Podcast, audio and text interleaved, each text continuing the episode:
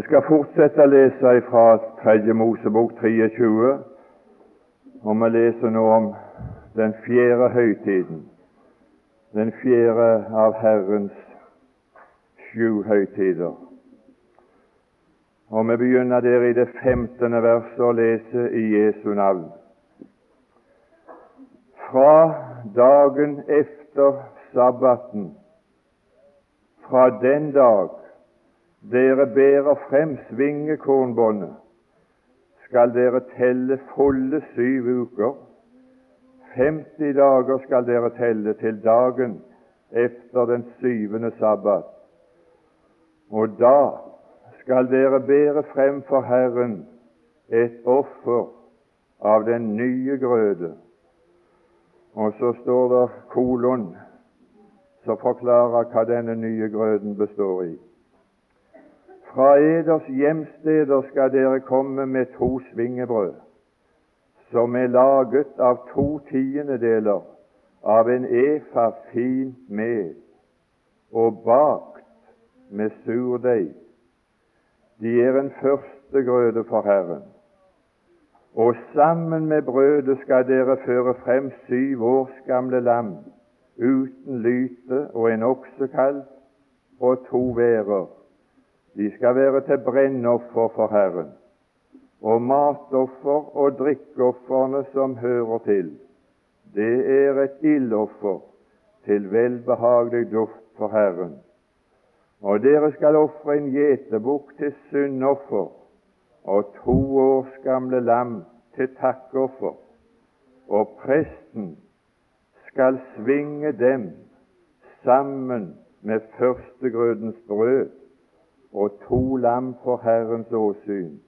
De skal være Herren helliget og tilhøre presten. Og samme dag skal dere la utrope at det skal holdes en hellig sammenkomst. Dere skal ikke gjøre noen arbeidsgjerning. Det skal være en evig lov for eder fra slekt til slekt, hvor dere så bor. Og når dere høster grøden i eders land, skal du ikke under din innhøstning skjære kornet helt ut til den ytterste kant av din aker.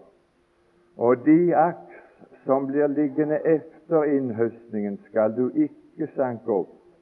Du skal la dem være igjen til den fattige og den fremmede. Jeg er Herren eders Gud. Amen.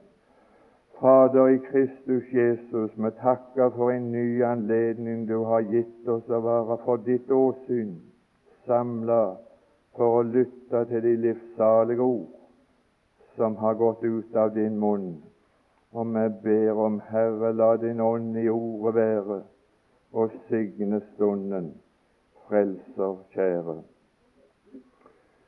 Og jeg tror å kjenne på et behov for og så gjøre igjen oppmerksom på at det jeg sier i disse bibeltimer om Herrens høytider, er ikke på noen måte en utførlig utredning om hva disse Herrens høytider består i, men det er et, et utvalg som jeg har for min egen del trukket ut av disse høytider. Det som jeg synes er de mest betydningsfulle. For i slike samvær som dette så er det bare noen bruddstykker som vi har tid til og så ta fram ifra hver av disse høytider. Og da synes jeg at for meg står det slik en må bare ta det aller nødvendigste, det som er det mest betydningsfulle. Og så får det som er min Alt er betydningsfullt, men det vi ikke makter, det får da heller ligge. Og da skal jeg gjøre en prøve også i denne time om å kunne være til hjelp for den enkelte i denne forsamling, slik at du kunne bli oppmerksom på noe av det mest betydningsfulle med pinsen. Pinsefestens høytid. For når vi leste om ukenes høytid, så er det pinsefestens høytid. Og nå til å begynne med Det blir bare noen få ord. Så vil jeg gjøre oppmerksom på historien. Denne historien som jeg leser, den historiske betydning som denne pinsefestens høytid har. Det er ikke alle som er så godt kjente av de som er med på denne bibeltime, at du er så godt kjent med pinsens historie. Derfor bare noen få ord. 50 dager etter at førstegrødens kornbånd var blitt svingt for Herrens åsyn, så var det pinsehøytid i Israel. Altså, og, og, og, og førstegrødens kornbånd ble altså ikke feira før de kom inn i landet og kunne ta det første kornbånd som var avla i løftets land.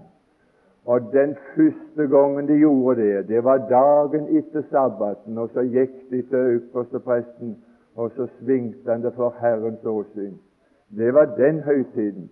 Men når det var gått 50 dager etterpå de var kommet inn i landet, etterpå de hadde holdt den høytid og svinge førstegrødens kornbånd, da skulle de holde denne pinsefestens høytid. Det var første gangen i Israels historie at det var holdt en pinse. Det var 50 dager etter de hadde båret fram førstegrødens kornbånd, etter de var kommet inn i løftets land.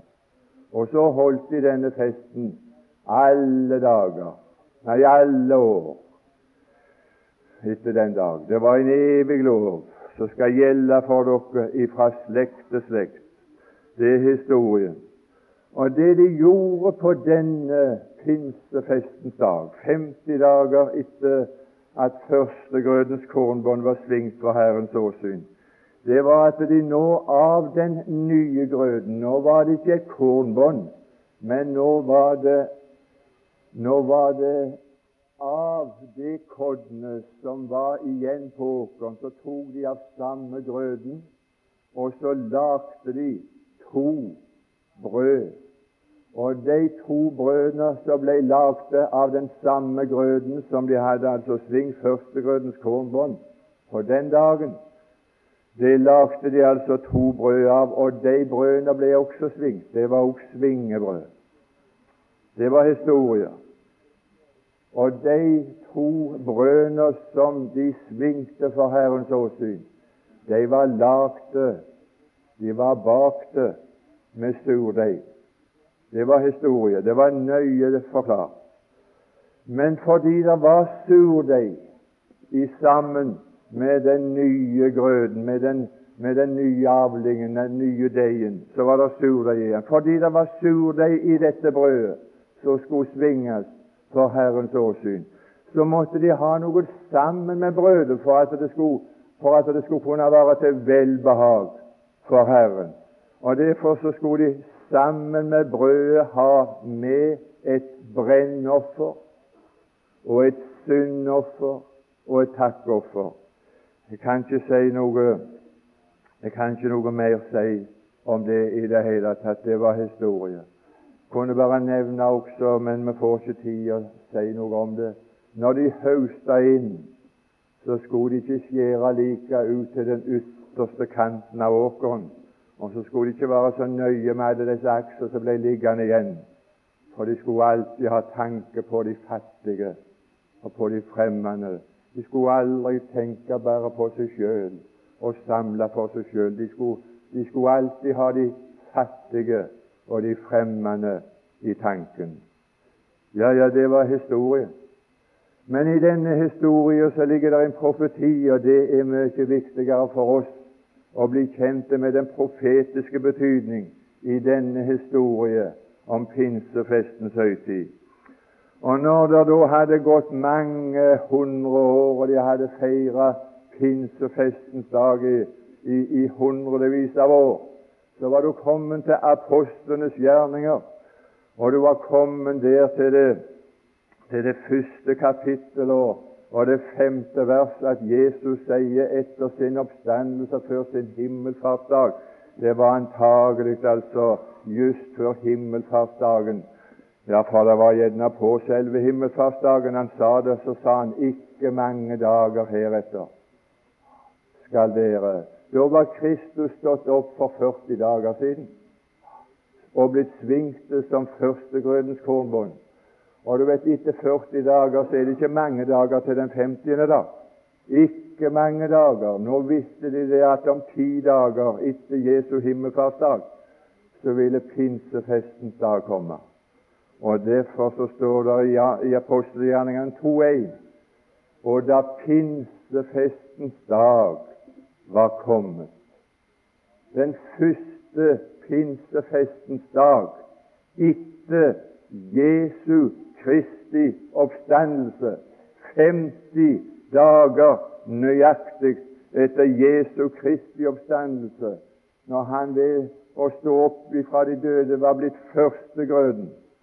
50 dager etter så skjedde den profetiske oppfyllelse av den som historien hadde fortalt oss om, om pinsen i Det gamle testamentet. Om ikke mange dager heretter skal dere døpes med Den hellige ånd. Og det som skjedde på pinsefestens dag i apostelgjerningene 2, det viktigste av det viktige om du reiste på så mange Hellige åndsseminarer som kan arrangeres, og som du kan besøke, så vil du aldri få lære noe som er mer viktig å lære enn dette. At det mest viktige og det mest betydningsfulle ved pinsens profetiske oppfyllelse i apostelgjerningene 2, det var at de troende ble døpt med Den hellige ånd, ikke til ditt og ikke til datt, men for å bli for å bli gjort til ett legeme. 1. Korintiabrev 12, 13 er nøkkelord i denne forbindelse. 1. Korintiabrev 12, 13. Det, vi er jo alle døpt med én ånd, ikke til å gjøre og ikke til, til, til å, å, å, å, bli kraftige, og ikke til å bli åndsfylte, og ikke til å bli istandsatte. Men vi er alle døpt med én ånd til å være, til å eksistere på en ny måte som ingen har eksistert på før denne pinsen ble profetisk oppfylte, til å være ett legeme. Du verden for en oppfyllelse. Kristus, når han sto opp, så ble han oppreist som førstegrøden og svingt for Herrens åsyn. 50 dager etterpå så fikk Kristus et legeme som ble danna, skapt, frembrakt av den Kristi oppstandelse, det fikk han på i annet kapittel av apostelgjerningene. Det er det det står. Ifølge Efeserbrevet, det første kapittel og det 19. vers. Å, hvorover vettes stor Hans makt er for oss og nå er det uenighet blant de lærde, for altså vi, vi tror ikke bare på inspirasjon av Bibelen, men vi tror altså på tøddelinspirasjon. Og nå vet ikke jeg altså om komma har noe med tøddelen å gjøre.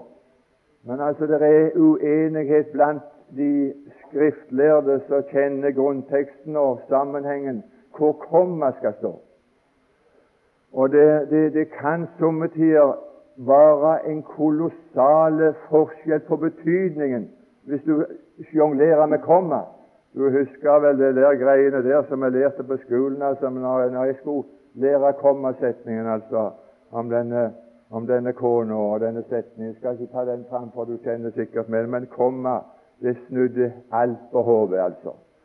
Men her står det hvor overvettes stor Hans makt er for oss, komma.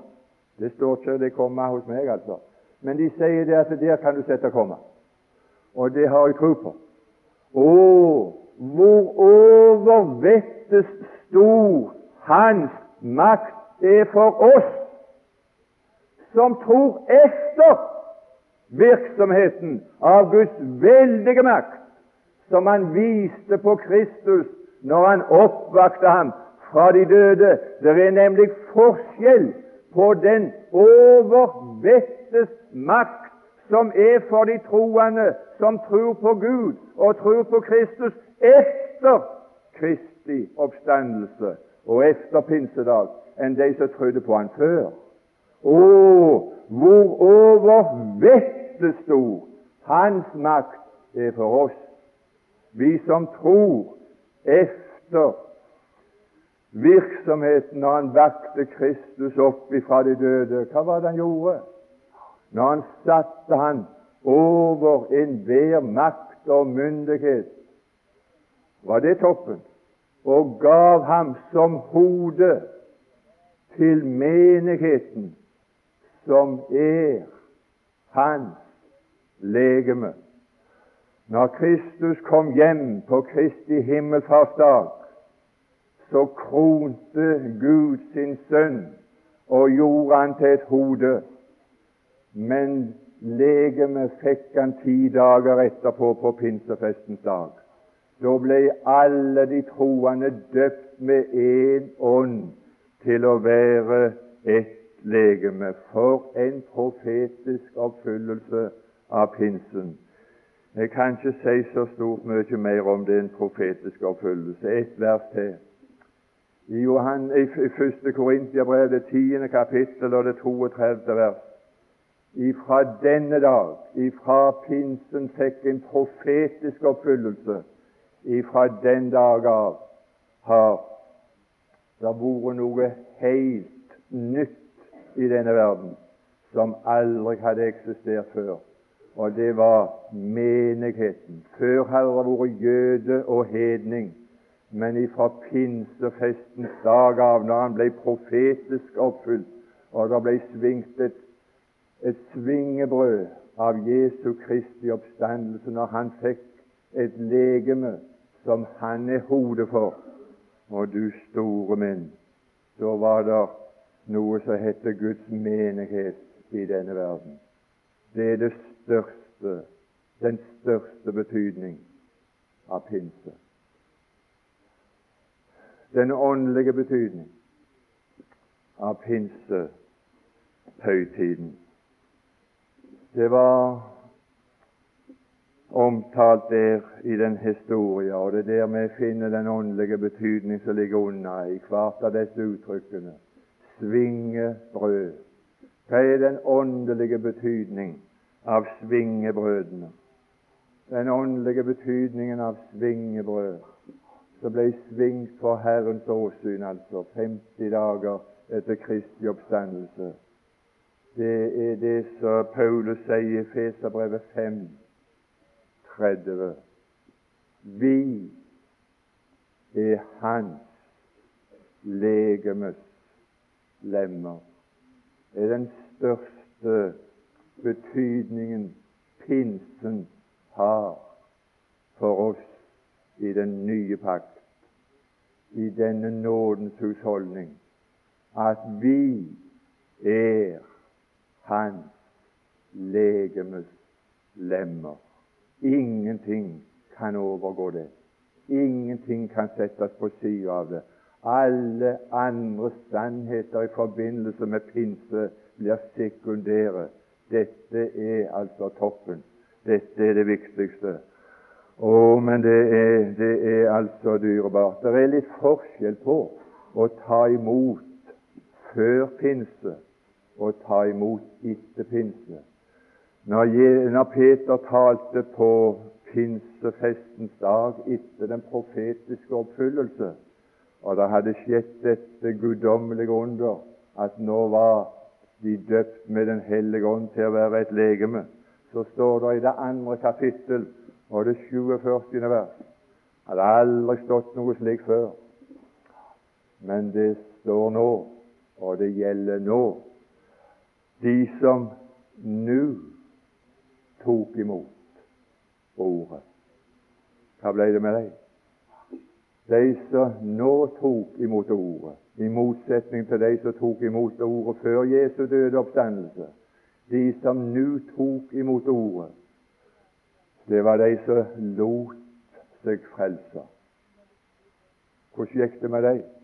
I det siste verset av dette kapittel så står det Gud la hver dag dem som lot seg frelse, til menigheten. Jeg kjenner ingen større og ingen mer betydningsfulle sannhet i forbindelse med pinsen og Åndens komme til denne verden på pinsedag enn at Den hellige ånd la den som lot seg frelse, la han til menigheten. De ble lemmer på Kristi legeme, som Kristus er hodet for. Og sitt legeme han frelser hjem, sang vi her. Tilbake blir ei noe lem. Det er spørsmål om én ting, om jeg er lem på Kristi legeme. Og jeg blitt et lem på Kristi legeme, så blir jeg med i bortrykkelsen. For når Jesus kom igjen, så kom han som sitt legemes frelser. Tilbake blir ei noe lem. Og Derfor er det bare lemmer på Kristi legeme som blir med i bortrykkelsen.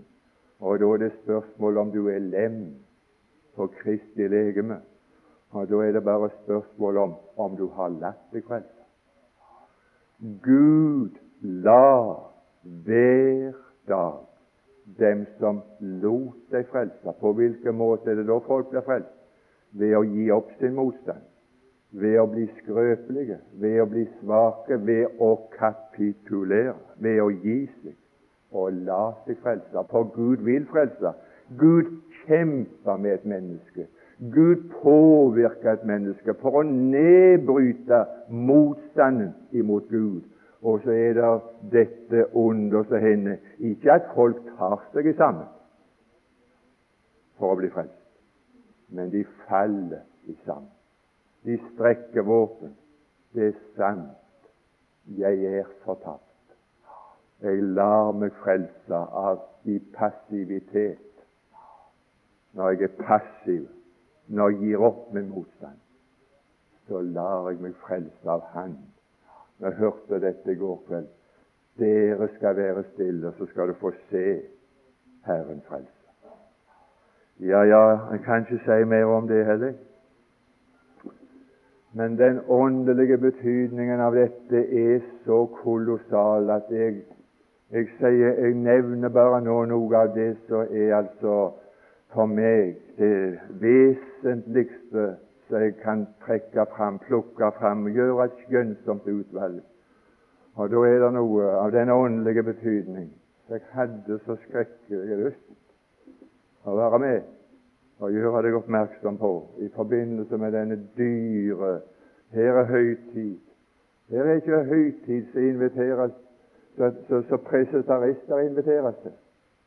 Her er ikke høytid for dilemmer som synes mest æreverd. Men her er det en høytid så tar alle lemmene med. Å, du må utrope denne høytid. At alle som lar seg frelse, kommer i samfunn med Herren som lemmer på Hans legeme. Så dette er en høytid en hvile, en hvile og høytid som lager fest i alle de troendes liv, enten du er svak eller du er sterk.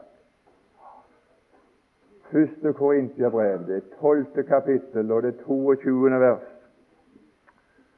De lemmer på legemet som synes Vi synes ikke like noen av oss. Du verden, det er, er, mange av disse lemmene på Kristi legeme som når vi ser på en annen, så synes vi de er mindre ære verd. Det er noen som er skjemmes over. Det er lemmer på legemet som du som er blues med. Hva gjør vi med de som er skjemmes mest? Troende mennesker som har latt seg frelse. Hva gjør vi med dem? Her står det de kler vi med med større ære. Er det det vi gjør? Det er iallfall én som har den omsorgen for sine lemmer at de lemmer som er mindre ære verd, de kler han med større ære. Og de som er sånt at han skjemmes over dem, ja, de steller han enda mer med.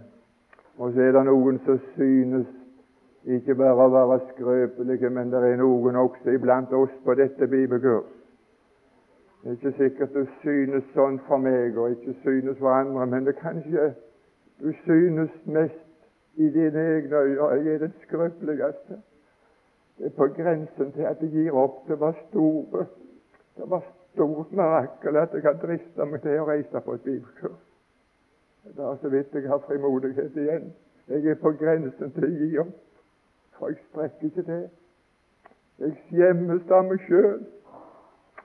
Jeg er ikke bare skrøpelig, men jeg synes i egne øyne å være den skrøpeligste. Og de lemmer på legemet som synes å være de skrøpeligste, inviteres til å holde pinsehøytid, for de lemmer er nødvendige.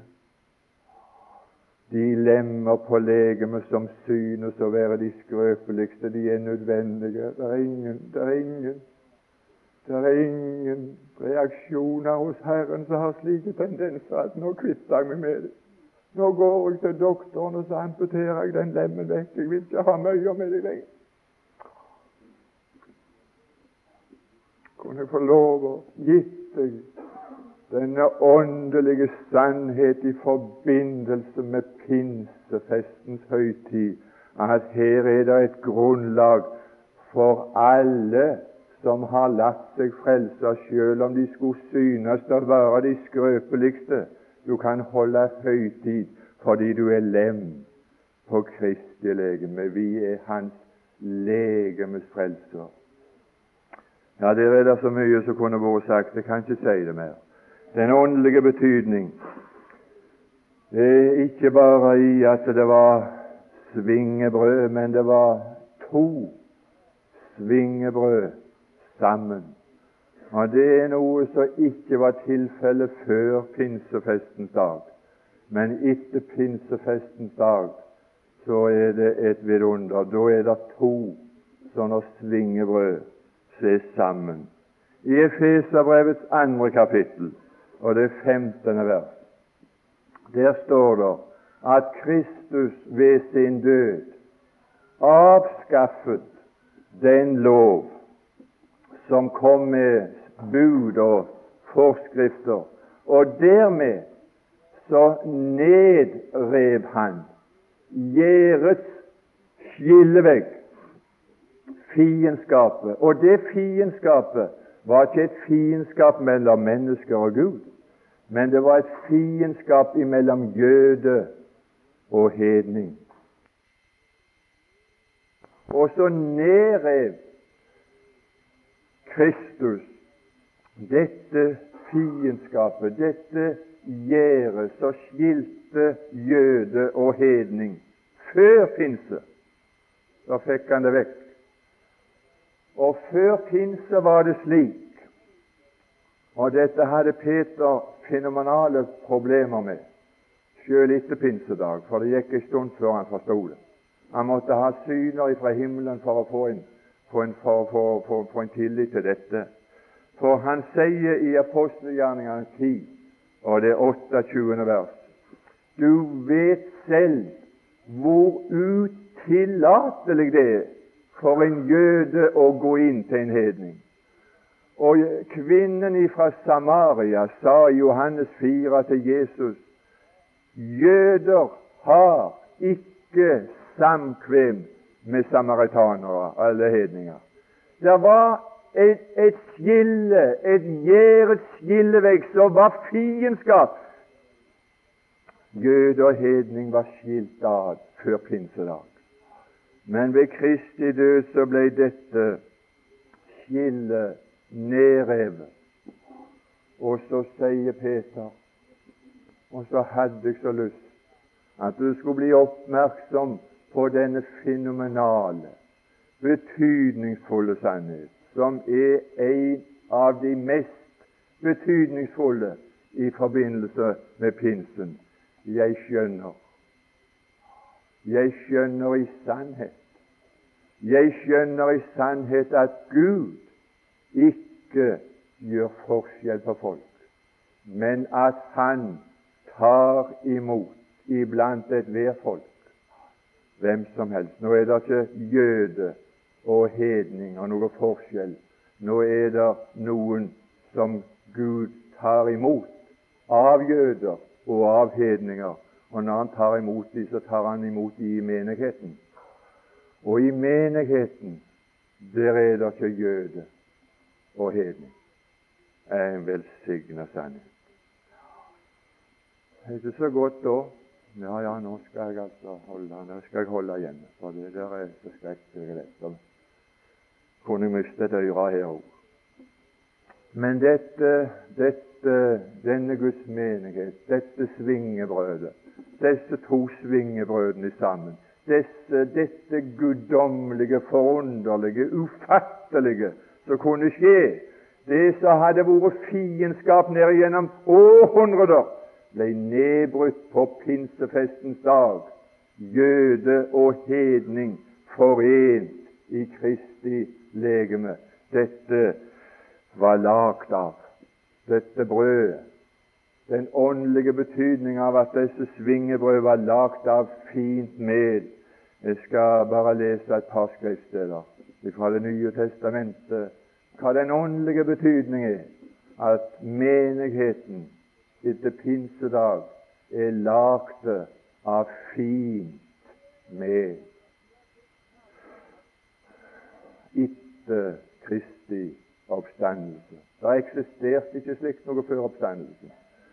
Men Peter sier i sitt første brev, første kapittel, tredje vers, et av de versene man kan best utenat Gud være lovet, Han som har gjenfødt oss ved Han som har gjenfødt oss ved Jesu Kristi oppstandelse ifra de døde. Kristus var førstegrøden, men det ble en gjenfødelse ved Jesu Kristi oppstandelse. De som nå tok imot ordet, de, de, de, de, blir lagt til denne menigheten, denne menigheten av, som er en frukt av, av Hans oppstandelse. Jeg kan ikke si mer om det. Jeg hadde bare lyst til å gjøre deg oppmerksom på det som betyr kolossalt, at det er en slik åndelig sannhet. At dette, denne menigheten, dette svingebrødet, det var lagd av fint mel men det var bakt med surdeig. Og den menigheten som ble danna på pinsedag, og som jeg og du er kommet inn i ved å la oss frelse, alle av oss uten unntagelse, vi har to naturer uten unntagelse. Ved å bli gjenfødt så får du ikke bare guddommelig natur, men du får del i guddommelig natur. Så du får en ny natur. Men alle som hører Guds sanne menighet til, har også den gamle natur. Guddommelig natur, fint med, Sur deg, den gamle natur. Og hvis dette ikke hadde vært bakt, vet du hvorledes det da hadde gått? Nei, jeg er ikke baker, men jeg har altså hørt så lenge på en far når det gjaldt det der, for han gikk i bakerlære iallfall, og lærte litt mer om det der. Og så har jeg hørt av andre De sier det at surdeigen den altså ødelegger mjølet. Hvis det ligger i mjølet og får lov å ligge der lenge, så blir det syre. Men har du surdeig i deigen, så så vil han òg ødelegge deigen hvis han får herje og regjere. Så hvis du har altså den gamle natur og den nye natur, en, en, en deig av, av, den nye grøten, og så er det surdeig igjen Hvis det der fikk lov å fortsette å herje og regjere, så ville surdeigen ødelegge alt det nye, alt det fine melet. Men det som er hemmeligheten, og som er forklaringen, det er at dette er bakt med surdeig. Og det som skjer med surdeigen når en deig kommer inn i ilden og blir stekt og bakt til brød, så stanser surdeigens ødeleggende virkning ved å bli bakt til brød. Å, men det betyr Det betyr så kolossalt for meg at jeg har opplevd en sånn bakelsesprosess at den dagen jeg fikk del i den nye natur, mens jeg samtidig er i besittelse av den gamle natur, så har jeg fått lov å oppleve denne forunderlige prosessen når jeg kom inn i Guds ild, at den gamle naturs ødeleggende virkning er blitt stanset. Han skal ikke få ødelegge. Man kan ikke få sagt det. Så stort som det er for meg. Jeg står her og bekjenner det er sur i meg. Så hadde jeg vært sterk nok det ødelagt alt det fineste og edleste som Gud har gitt meg. Men jeg har fått lov å oppleve en prosess. Og den prosessen som har stanset en ødeleggende virkning, det er noe som heter syndenes forlatelse. Så hindrer surdeigen, så hindrer at den gamle natur, synden som bor i meg, skal aldri få ødelegge det fine og det guddommelige som Gud har gitt meg. Jeg har syndenes forlatelse i Jesu blod. Jeg har vært der i dommen. Jeg har vært der i ilden. Jeg har vært der og møtt Gud ved Golgata. Og det som skjedde ved Golgata, at ved Jesu blod så har jeg syndenes forlatelse, som har stansa syndens ødeleggende virkning i mitt liv. Kan ikke si mer. Men på grunnlag av det, at det er slik at vi er uansett hvem vi er av oss her, så er det surdeig i oss, så er det synd i oss som ville kunne ødelagt oss hvis det ikke hadde vært slik. Derfor er det alltid nødvendig når vi skal svinges for Herrens åsyn, og ha noe sammen med dette brød. Sammen med brødet. Sammen med brødet, sto det. Presten skal svinge dem sammen med førstegrødens brød. Og det som skulle svinges sammen, og det kan jeg si deg, at dette betyr alt for han har virket. Når jeg skal ha meg en stund og åpenbare meg for Herrens åsyn, så må jeg alltid ha noe sammen. Det hjelper ikke med den nye natur, og det hjelper ikke lyset over den gamle natur og den nye, og det hjelper ikke noen ting av det. Det som hjelper meg, det er at jeg sammen med dette har et brennoffer at Kristus Jesus gav seg selv for meg som et brennoffer, Gud, til en velbehagelig duft. Jeg må alltid ha Kristus med meg i karakter av det velbehagelige brennoffer. Å, du verden, men det er godt å ha Kristus med seg og hans velbehag. Og så må jeg ha et syndoffer med. Alltid må jeg ha syndofferet med.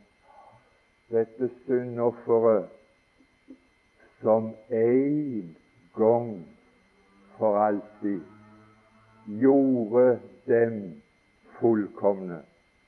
som lot seg hellige. Det er noe å ha med seg det når du skal, når du skal møte Gud, når du skal ha deg en stund for Gud. Å ha Kristi syndoffer med. Han som ikke bare hadde et sånt offer som ikke kunne ta synden bort, men han som kunne ta synden bort ved sitt offer. Det er han jeg har med meg. Og så, og så har jeg takkofferet med. Alltid takkofferet. Sammen med dette brødet så måtte de ha takkofferet. Ja, det forstår du i Hebreabrevet 13 at skal jeg takke Gud, la oss da alltid ved Ham frembringe takkoffer til Gud. Det er leper, det er frukt av leper som lover Hans hellige navn. Jeg kan ikke si Jeg må få lov å ta altså to-tre minutter til. Altså, Det blir ikke, det blir, det, det blir så borti veggene litt altså, at det, det skulle gjerne ikke vært sagt det, eller for det, det er for lite. Men noe av den personlige betydning av pinsen fra Arnold Bjerkreim nå, nå, nå, nå, nå, nå vet jeg, nå står jeg altså i et glasshus, og nå, nå ja, Hvis det kan vekke oppmerksomhet i denne verden, så må det vel være da, altså. Hvis jeg, hvis jeg prøver å avsløre og fortelle folk om den personlige betydning som pinsen har for meg og mitt gudsliv. Og når jeg da har gjort et skjønnsomt utvalg og ikke har tid til å nevne mer enn to ting, ja, da skjønner du det altså at da, da, da er det ikke på slump, altså. Nei, det er ikke et innfall jeg får når jeg nevner det her. Det skal være visst.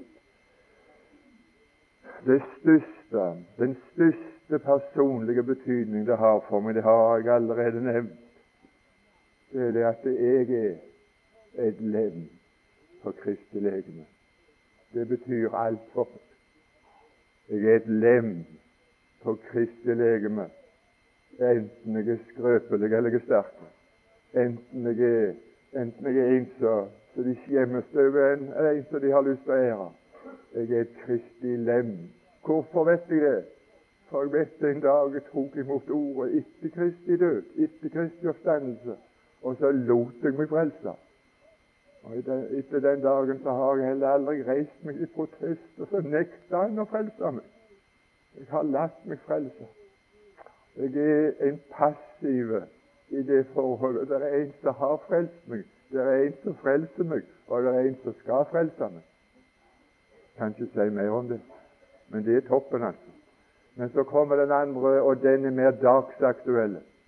Og nå hadde jeg lyst til å gi deg et ord og jeg vet jeg skjelver med tanke på å nevne det, på grunn av at det er en situasjon som vi lever i, som skal vokse nå. Når du skal reise hjem fra dette bibelkurs Og jeg vil, jeg vil gi deg, før jeg sier et eneste ord, så vil jeg gi deg et godt råd. At alt det du har hørt, og alt det du måtte ha fått hørt på et bibelkurs, som du setter pris på, ikke bruk det som perler som du kaster på svin. Ikke bruk det til å irritere mennesker, men bruk det til hjelp for din egen del. Og kunne det istandsette deg slik at du kunne være til hjelp for andre. Ikke med å slå dem i hodet med en lære, men om du kunne være dem til hjelp. Det var det som var hensikten. Det er ingen som er interessert i å bli belært av deg om du har vært på bibelkurs. Det kunne være noe som ville være takknemlig om du kunne være litt til hjelp. Nå skal du høre.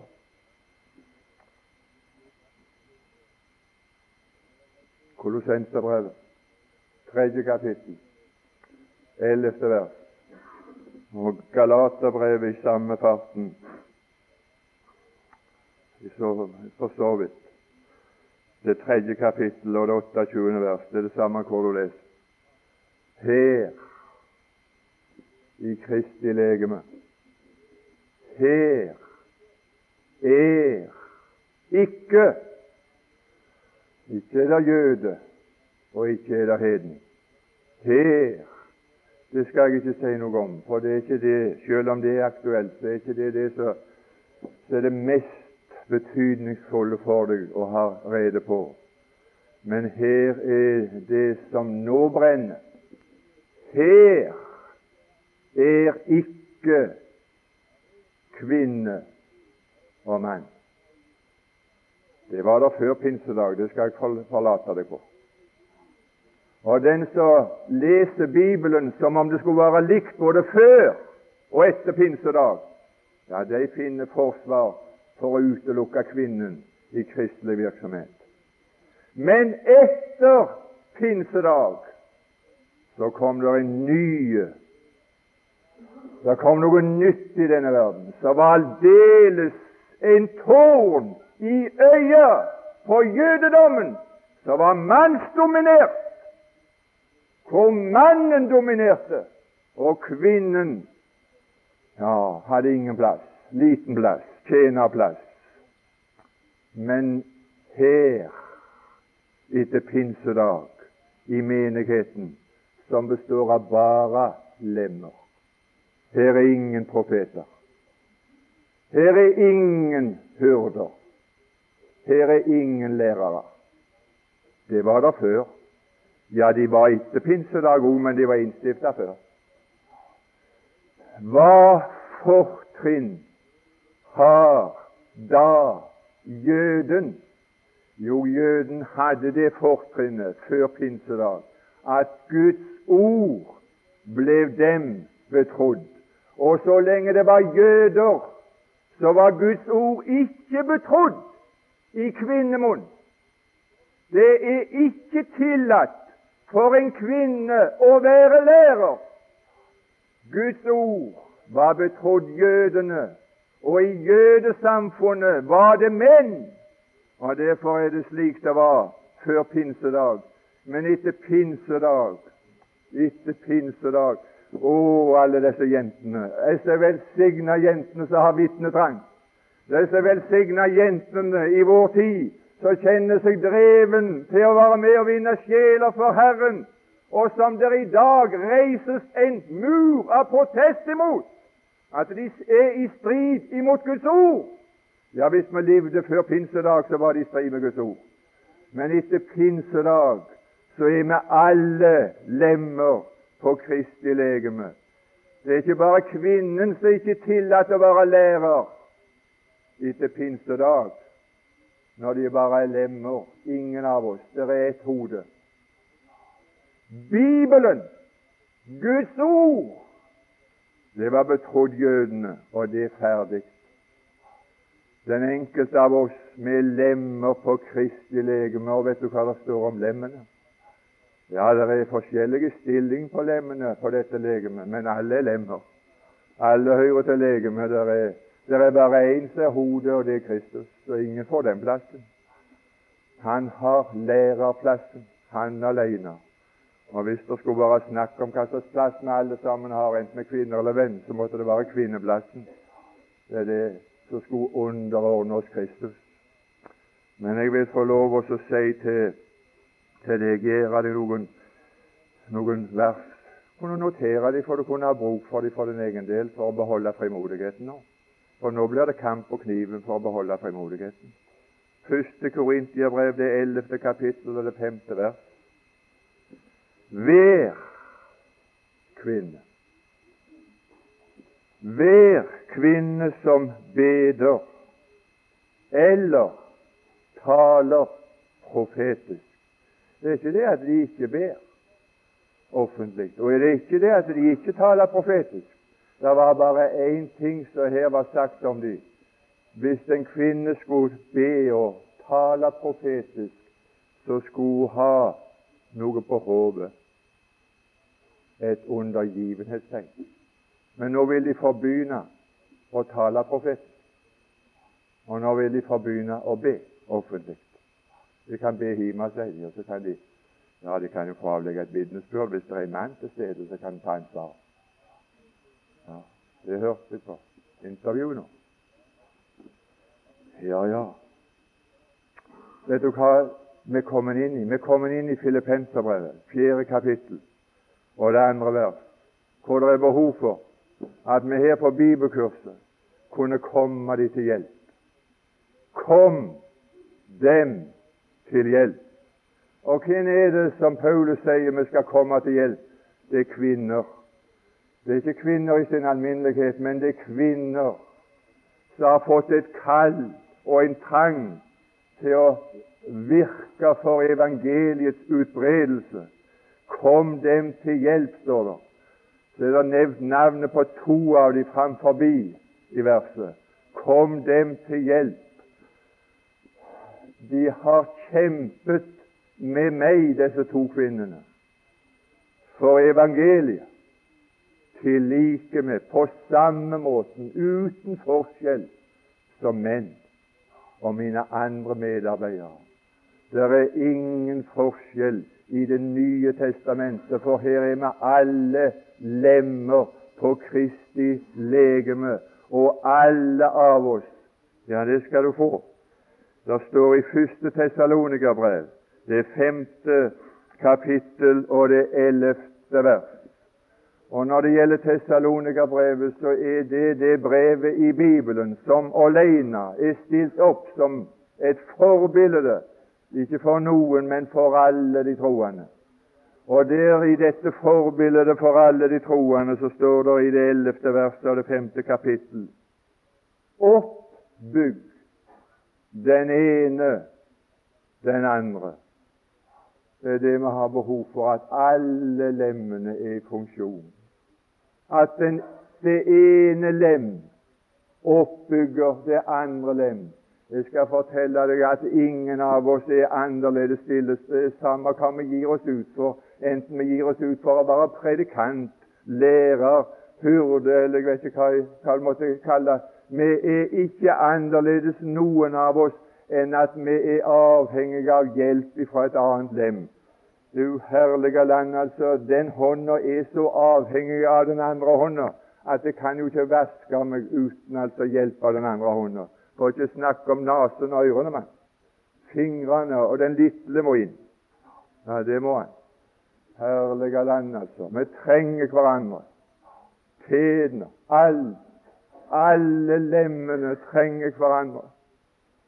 Skulle få lov å gi dem den oppmuntring på Skriftens grunn at det er en høytid som består i den ene oppbygger den andre. Et vers til. Et vers til. Romerbrevet, det tolvte kapittel og det femte vers. Der står Vi er og vi er ikke bare Kristi lemmer, men vi er hverandres lemmer. Hverandres lemmer. Hverandres lemmer. Måtte det bare komme i funksjon. Denne høytid må du utrope. Når pinsefesten fikk din profetiske oppfyllelse, så ble alle de troende forente i ett legeme. Her er ikke kvinne, og her er ikke mann. Her er vi alle på samme nivå. Vi er lemmer på legemet som skulle være hverandres lemmer, tjene hverandre, oppbygge hverandre hjelpe hverandre, be sammen og, og, og, og, tale profetisk altså til hverandre. Hva er det for noe? Å tale profetisk i dag, det er til tale med formaning og til oppbyggelse og trøst. Takk og lov og pris for hver jente og hver gutt som er med og ber, og er med og taler profetisk på den måten at de taler til oppbyggelse, trøst og, og formaning. Nå har jeg altså avslørt meg, og jeg står altså til skudd. Og de får skyte meg, den som vil. Jeg er klar over det. Det, det, det er fritt for. Er det noen her som vil ta meg, så jeg står jeg rede og forsvarer den tro som jeg har fått av Gud. Jeg har lyst til å være med og hjelpe enhver til en frimodighet, og ikke slutte vitnetjenesten du er kvinne eller mann, gutt eller jente. Pass være med og bli sjelevinner. Hjelpe hverandre på veien. Herre Jesus. Jeg ber om din velsignelse over den enkelte av oss på ditt navn.